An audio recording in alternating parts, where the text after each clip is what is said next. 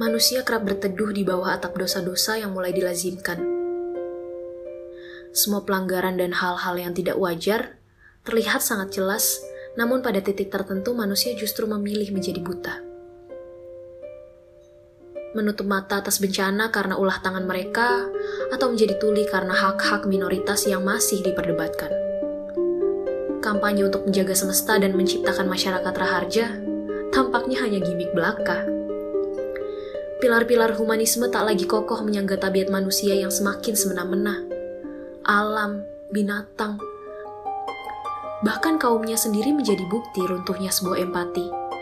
Menyiratkan kekhawatiran akan tujuan adanya manusia sebagai khalifah di bumi ini untuk menjaga dan merawat semesta.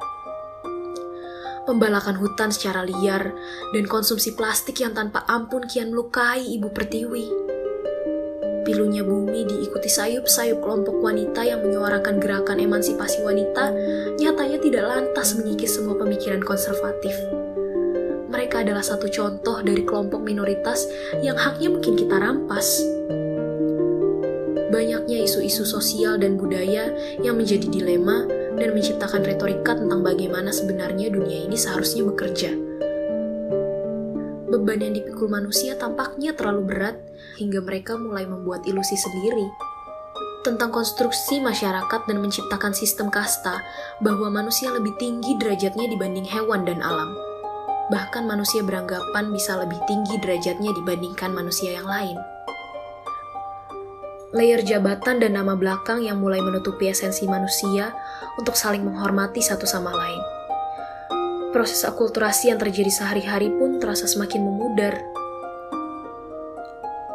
Beberapa manusia membuka mata pada runyamnya dunia. Lebih banyak lagi yang memilih buta. Menjalani kehidupan dan bersikap baik-baik saja seakan dunia sudah berjalan sebagaimana mestinya. Tapi kadang menjadi buta adalah pilihan. Pilihan untuk tidak membuka mata pada sekitar dan pilihan untuk tetap hidup tanpa bersentuhan.